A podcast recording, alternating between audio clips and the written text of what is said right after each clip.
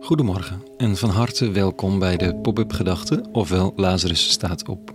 Ik ben Rico en ik schrijf ochtends tussen 6 en 7 overwegingen om de dag mee te beginnen. En het begint altijd met een titel. Vandaag over de hoop en het cynisme. Pop-up Gedachten dinsdag 5 april 2022. Er is maar één nieuwsbrief die ik vrijwel altijd lees.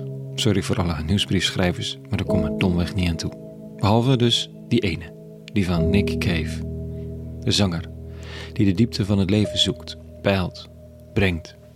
Die met zijn muziek op onuitvolgbare wijze de donkere kant van het leven in het licht stelt. Je moet er misschien net van houden, dat zou kunnen. Maar los van muzikale smaak schrijft hij ook brieven. Mensen stellen hem vragen als was hij een woestijnheilige uit de eerste eeuwen na Christus. En hij antwoordt op grappige, ontroerende en diepgaande wijze. Deze keer kwam de vraag van Valerio. Valerio bekende dat hij steeds cynischer aan het worden was de laatste jaren en vreesde dit gevoel over te dragen aan zijn kind.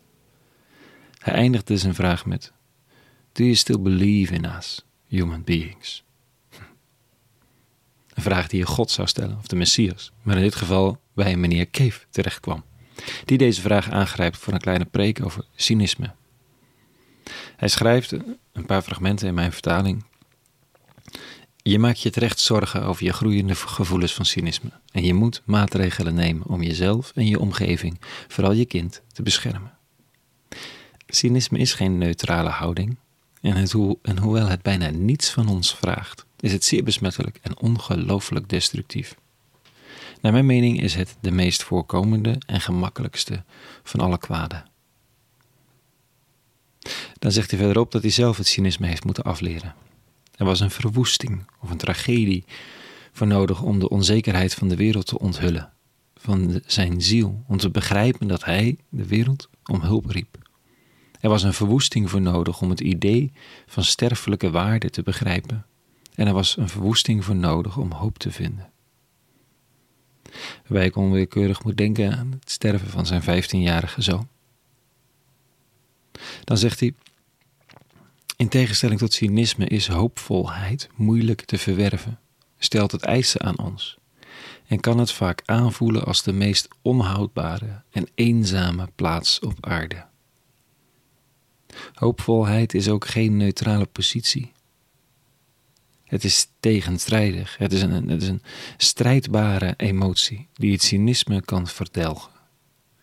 Elke verlossende of liefdevolle daad, zo klein als je maar wilt, Valerio, zoals voorlezen aan je kleine jongen, of hem iets laten zien waar je van houdt, of een liedje voor hem zingen, of zijn schoenen aantrekken, houdt de duivel beneden in het hol. Het zegt dat de wereld en zijn bewoners waarde hebben en het waard zijn om verdedigd te worden. Het zegt dat de wereld het waard is om in te geloven. En na verloop van tijd komen we erachter dat dit ook zo is.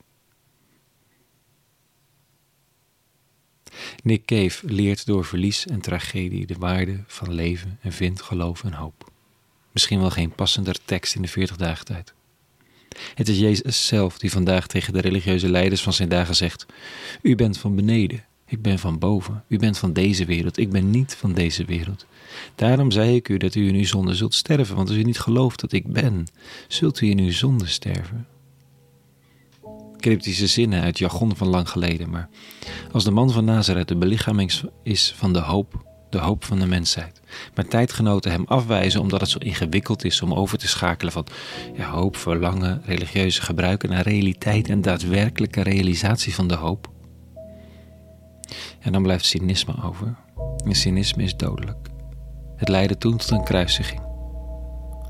Die overigens niet het einde van het verhaal was. Maar zoals bij Nick Cave een heel nieuw begin. Voor hen die durven, geloven en hopen. Tot zover vanochtend. Een hele goede dinsdag gewenst. En vrede. En alle goeds.